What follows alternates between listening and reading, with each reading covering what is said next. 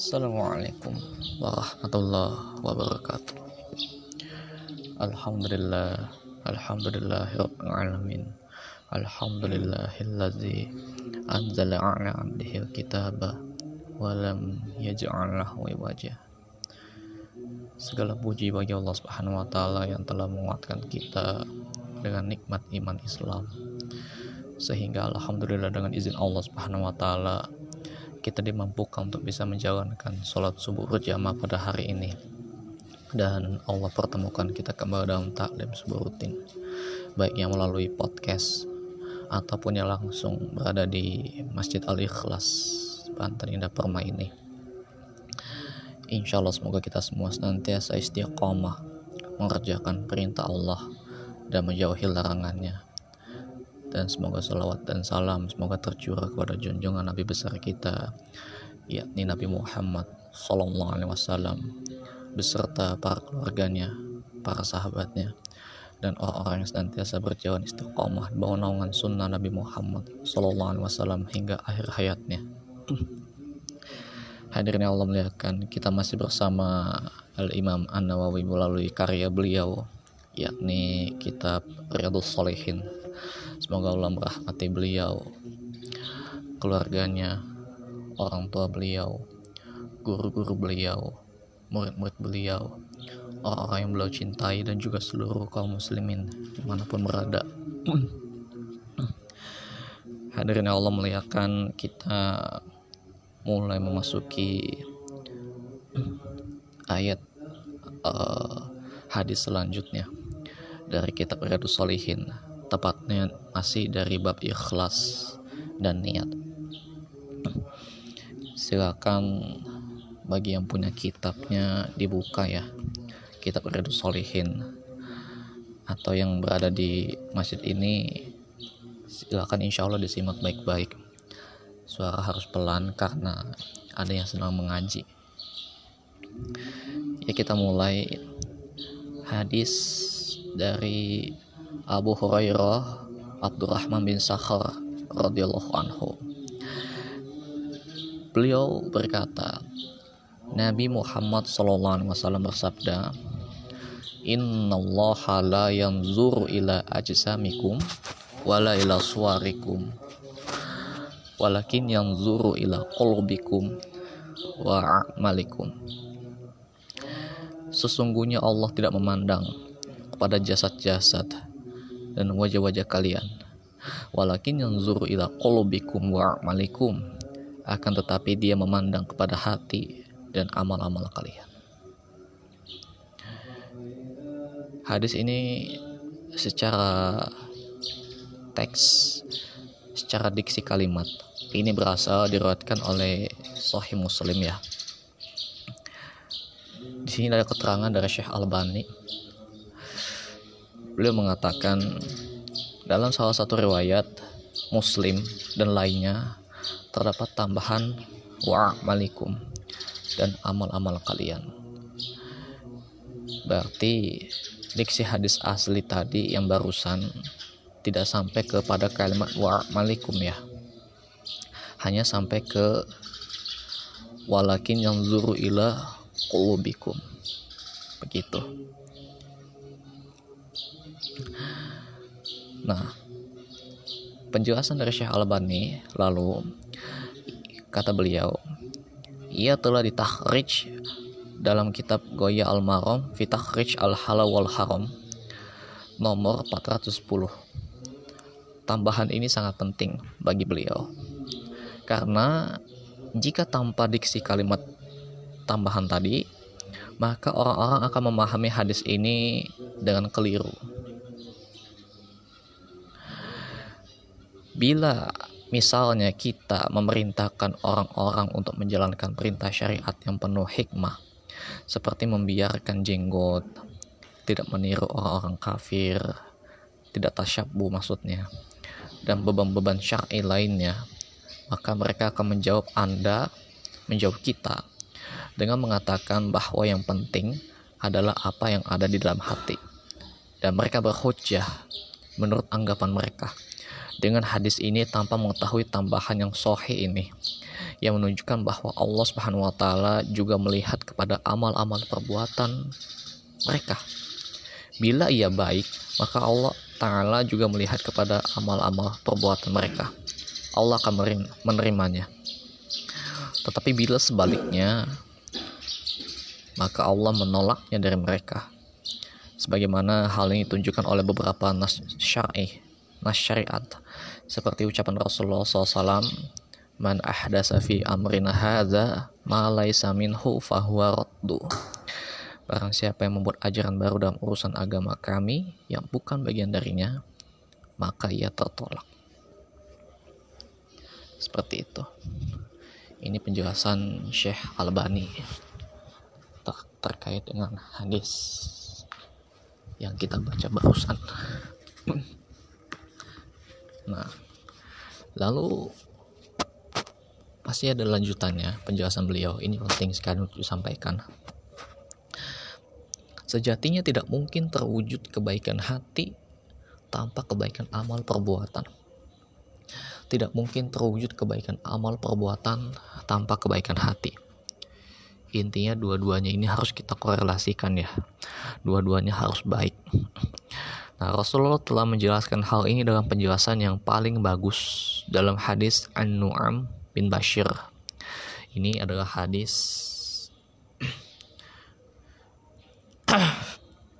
hadis tentang kunci segala kebaikan dan segala keburukan. Nabi SAW bersabda, "Ala wa inna fil jasadi mudghats wa iza salahat salahal jasadu kulluh wa iza fasadat fasadal jasadu kulluh ala wa hiya qalbuh."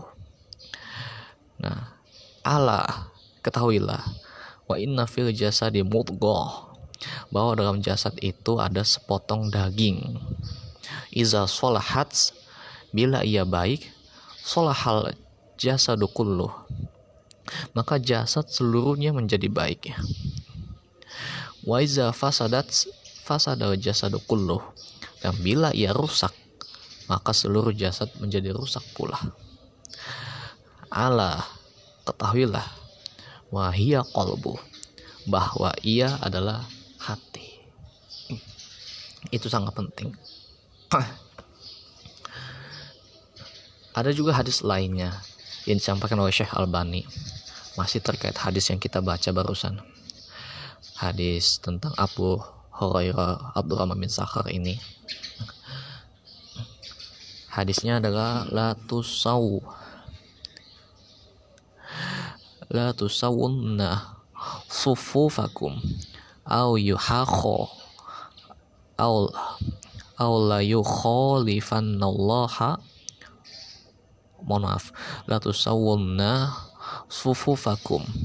Au la yukhalifanallahu baina wujuhikum. Hendaknya kalian meluruskan saf-saf kalian. Atau jika tidak Allah akan membuat wajah-wajah kalian berbeda-beda. Maksud wajah-wajah yang disampaikan Rasulullah SAW adalah hati-hati kalian. Begitu.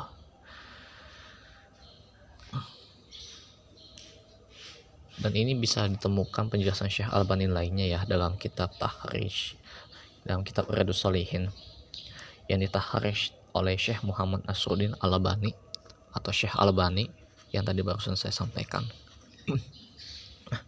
Karena agak panjang penjelasan beliau maka kita cukupkan penjelasan beliau sampai di sini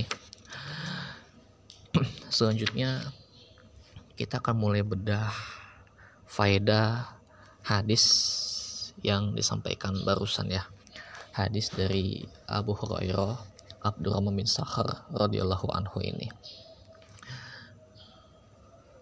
Innallaha la yanzuru ila ajsamikum. Sesungguhnya Allah tidak memandang kepada jasad-jasad. Wala ila suwarikum dan juga tidak memandang wajah-wajah kalian. Walakin yanzuru ila qulubikum wa a'malikum.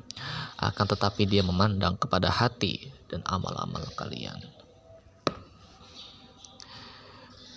beberapa faedah hadis ini di antaranya adalah insya Allah tidak banyak hanya empat sebagai penutup yang pertama amalan yang dibalas oleh Allah adalah amalan yang disertai niat yang ikhlas dan benar. Ikhlas itu masalah niatnya dan benar itu maksudnya sesuai tuntunan Nabi Muhammad Sallallahu Alaihi Wasallam. Begitu. Amalan yang dibalas oleh Allah adalah amalan yang disertai niat ikhlas dan benar. Gitu.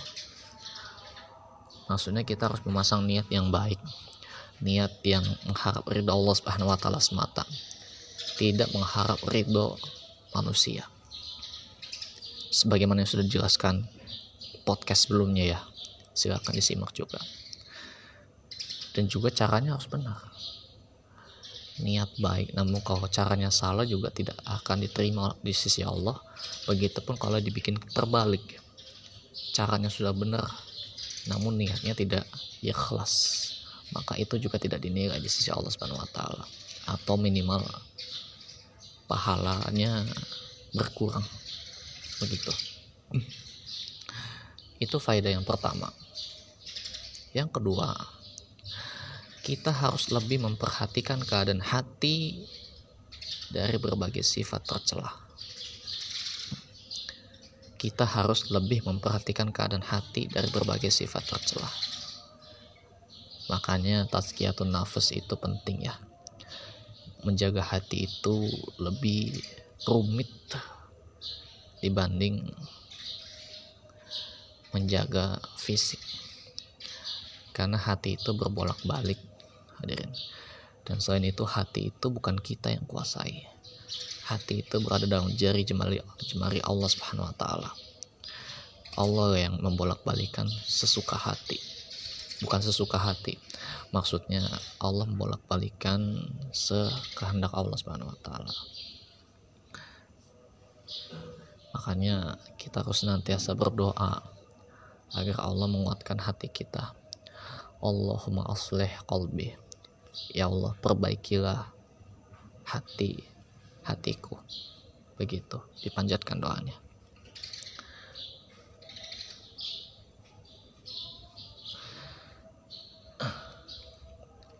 Itu faedah hadis yang kedua. Faedah hadis yang ketiga adalah memperbaiki hati lebih didahulukan daripada memperhatikan amalan lahiriah. Yang utama itu hati diperbaiki dengan memperhatikan akidah. Nah, ini memang judulnya mengisyaratkan tauhid ya dan akidah hadirin dan di masyarakat kita umumnya perhatian kita terhadap tauhid dan akidah sangat lemah. Sehingga alasan seseorang untuk beribadah itu sangat lemah. Ya saya beribadah karena diajak teman. Misalnya kalau ya kalau yang lingkupnya anak-anak. Anak-anak nggak mau ke masjid misalnya yang laki-laki. Kalau nggak ada temennya kalau temennya nyamperin baru dia mau sholat masjid begitu. Padahal anak ini usianya udah SMP gitu ya. Artinya dia sudah secara syariat sudah balik. Tapi disayangkan sekali dah. Dia tidak memasang niat yang benar dalam urusan ibadah. Dia hanya mau ke masjid kalau ada temannya. Padahal dia laki-laki gitu. Mau nggak ada temannya juga pun dia sudah disyariatkan untuk sholat di masjid.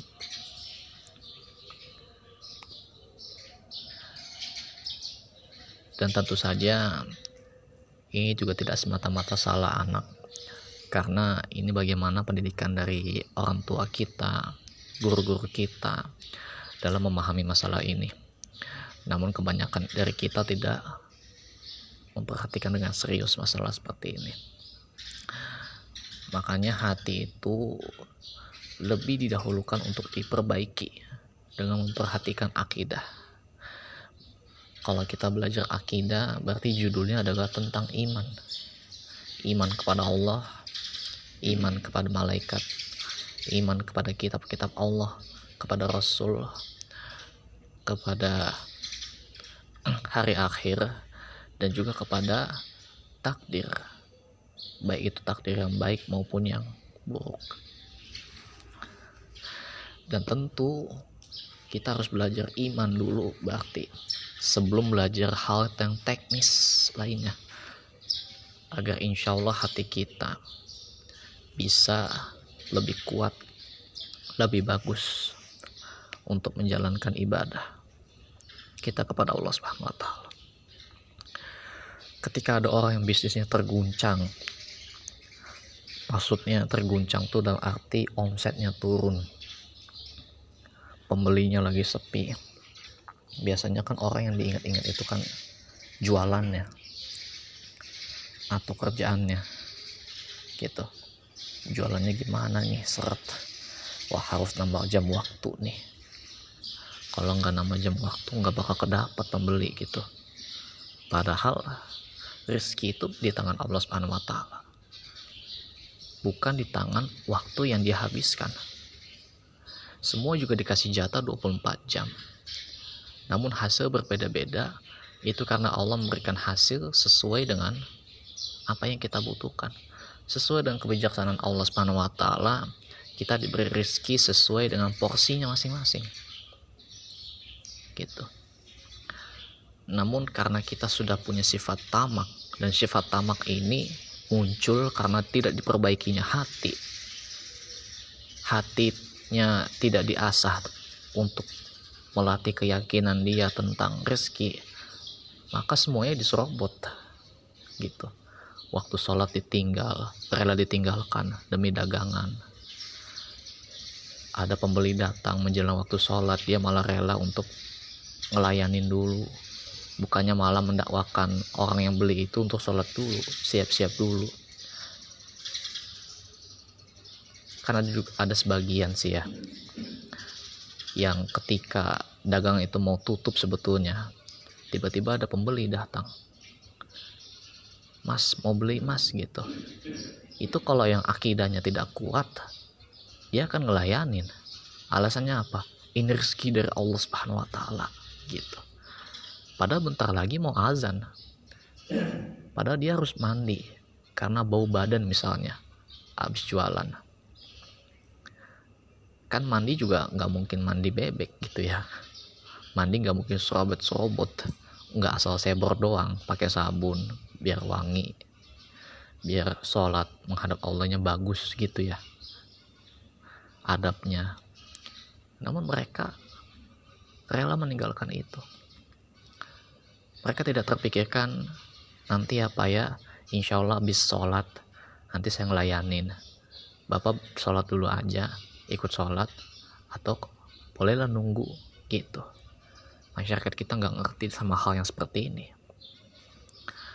Dan ironisnya ini diajarkan kepada anak-anak kita tentang hal semacam ini.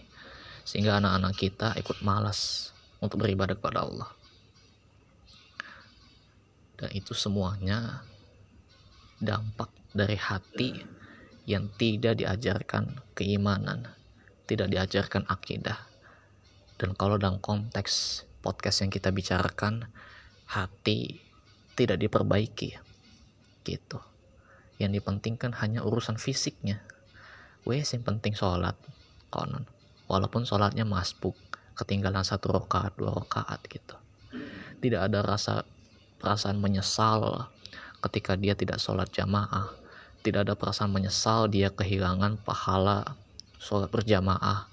27 derajat perbedaannya dibanding sholat sendirian. Nah itu kalau akidahnya lemah dia menganggap ya sholat dengan pahala satu mah cukup lah yang penting mah sholat gitu. Padahal dia punya kesempatan sholat dengan pahala 27 kali lipat lebih baik. 27 derajat. Dan satu derajat dengan derajat lainnya itu kan selisih 500 tahun di sisi Allah. Masa untuk hal seperti ini kita nggak pernah merasa rugi. Tapi ditinggal pembeli karena kita mengutamakan sholat kita merasa rugi. Gitu. Padahal kerugiannya hanya sisi dunia. Itu pun setelah sholat kita bisa nyari kembali. Tapi kalau sisi peluang amal soleh waktu yang sudah terlewat belum tentu bakal kembali. Belum tentu kita bisa lebih baik dalam mengamalkan suatu ibadah. Makanya ini sangat penting. Kita semua sepakat. Kita juga nggak tahu matinya kapan. Khawatir kita mempunyai sikap yang sembarangan. Begitu ada mau kesempatan ibadah tiba-tiba mati. Nah itu repot. Amal solehnya. Seperti itu nah untuk faedah yang ketiga ini mungkin agak panjang ya karena ini penting sekali untuk kita semua dan yang terakhir yang keempat adalah amalan seseorang bisa jadi nampak baik dari secara lahiriah, secara fisik lah, yang terlihat. Namun, mohon maaf, hatinya rusak. Oleh karena itu, tetap kita berinteraksi dengan orang semacam ini dengan memperhatikan lahiriannya. Tapi kalau urusan hatinya yang rusak adalah urusannya dengan Allah Subhanahu wa taala. Dan sebagai sebagai informasi yang boleh kita koreksi dari orang lain itu hanya urusan lahirianya saja. Misalnya sholatnya terburu-buru gerakannya tidak sempurna atau bacaannya misalnya terlalu cepat terus makhraj hurufnya salah Nah, itu baru kita kasih koreksi. Namun kalau urusan hati, jangan coba-coba diterka-terka alasannya. Jangan coba-coba di dicari tahu gitu apakah dia niatnya ikhlas atau tidak gitu urusan dia niatnya ikhlas atau tidak itu urusan Allah. Urusan kita yang masih bisa kita nasihatkan ke sesama muslim atau ke orang lain adalah urusan lahirianya sholatnya itu benar atau tidak itu yang diurusin secara fisik. Kalau secara hati ya tentu saja siapa yang tahu? Hanya Allah yang tahu dan si pelaku itu sendiri. Begitu karena untuk urusan hati itu tersembunyi. Dan biasanya hanya baru terlihat niat dia ikhlas atau tidak pasca beramal. Kalau pasca beramal dia malah jadi aneh. Merasa dia tidak meniatkan sesuanya untuk Allah. Misalnya dia sholat namun ke depannya dia nggak sholat gara-gara tujuan dia dari sholat itu tidak tercapai maka barulah kita nilai niatnya itu keliru. Namun bagusnya untuk urusan hati ini ya sudah kita mingkem aja. Yang masih bisa kita koreksi yang bisa kita mas kasih masukan ke orang lain itu adalah urusan lahiriahnya. Pak punten sholatnya tadi kecepatan batal itu sholatnya. Makhraj hurufnya salah terus gerakannya nggak sempurna misal seperti itu. Itu yang baru kita komentarin. Itu yang baru kita kasih masukan. Dan tentu saja ngasih masukannya sesuai adab ahlus sunnah ya. Empat mata. Bertemu secara rahasia. Jangan di depan banyak orang. Nanti supaya dia tidak malu. Begitu. Nah, semoga Allah menjadikan hati kita hati yang bersih dan menjadikan hati-hati kita ini adalah hati yang ikhlas hanya senantiasa mengharap ridha Allah Subhanahu wa taala. Amin ya rabbal alamin. Itu saja mungkin bisa disampaikan. Kurang lebihnya mohon maaf. Dan sebelum kita tutup, marilah kita tutup dengan doa kifaratul majelis. Subhanallah wa bihamdihi. Subhanakallahumma wa bihamdika. Asyhadu an la ilaha anta astaghfiruka wa atubu ilaik. Wassalamualaikum warahmatullahi wabarakatuh